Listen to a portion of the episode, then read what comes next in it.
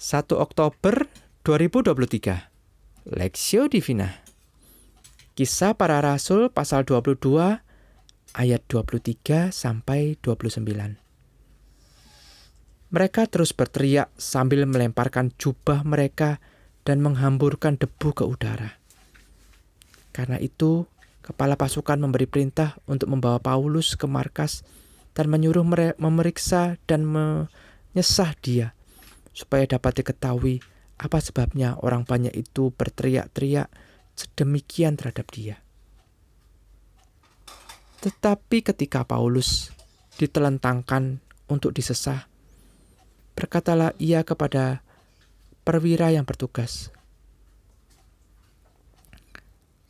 Bolehkah kamu menyesah seorang warga negara Rom apalagi tanpa diadili. Mendengar perkataan itu, perwira itu melaporkannya kepada kepala pasukan. Katanya, "Apakah yang hendak engkau perbuat?" Orang itu warga negara Rum. Maka datanglah kepala pasukan itu kepada Paulus dan berkata, Katakanlah, benarkah engkau warga negara Rum? Jawab Paulus, benar. Lalu kata kepala pasukan itu, kewarganegaraan itu kubeli dengan harga yang mahal. Jawab Paulus. Tetapi aku mempunyai hak itu karena kelahiranku. Maka mereka yang harus menyesah dia segera mundur.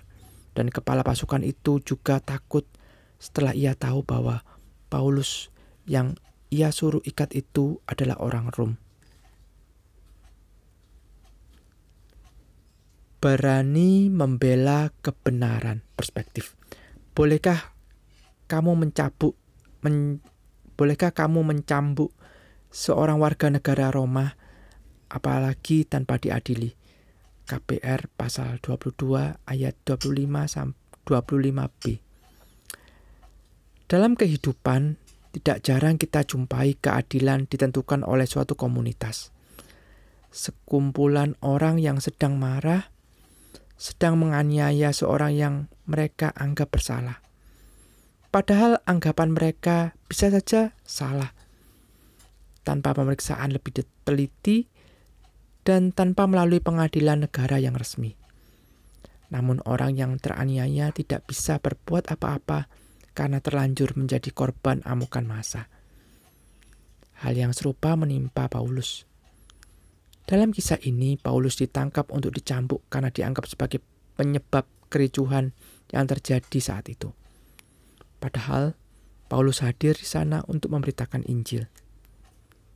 Karena Paulus menyampaikan berita Injil yang adalah kebenaran dari Allah yang menyelamatkan.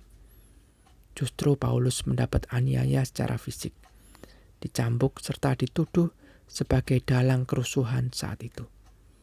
Tetapi dalam keadaan yang sangat terjepit dan tidak ada seorang pun yang membelanya, Paulus berani bersuara.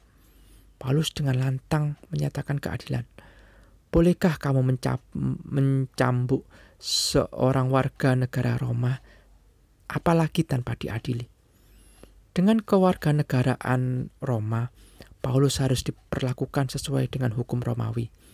Diadili terlebih dahulu, baru dijatuhkan hukuman. Dalam hal ini, Paulus berani membela kebenaran, kebenaran yang diabaikan oleh para tentara yang berkuasa saat itu. Sebagai orang percaya, Tuhan juga memanggil kita untuk terus setia menyatakan kebenaran, bahkan berani membela kebenaran. Memang ada resikonya, bisa jadi diri sendiri yang jadi korban dari penguasa yang jahat. Namun, sebagai orang yang sudah dibenarkan oleh Kristus, Tuhan mau kita menghidupi kebenarannya dengan berani membela dan menyatakan kebenaran. Kita menghidupi situasi kita sebagai orang-orang benar, sekalipun harus menanggung resiko yang berat. Allah Roh Kudus, Allah Roh Kudus yang menguatkan kita untuk bersaksi dan menjadi terang di tengah-tengah dunia yang semakin meninggalkan kebenaran. Tetaplah menjadi saksinya tanpa takut dan keraguan.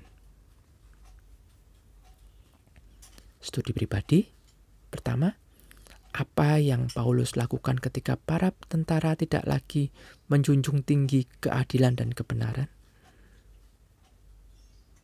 Kedua, atas nilai keadilan dan kebenaran Allah yang semakin kabur, maukah saudara berkomitmen setia menyatakan kebenaran dan keadilan Allah? Pokok doa, berdoa agar jemaat Tuhan dapat setia dan berani menyatakan kebenaran dan keadilan Allah sebagai anak-anak terang.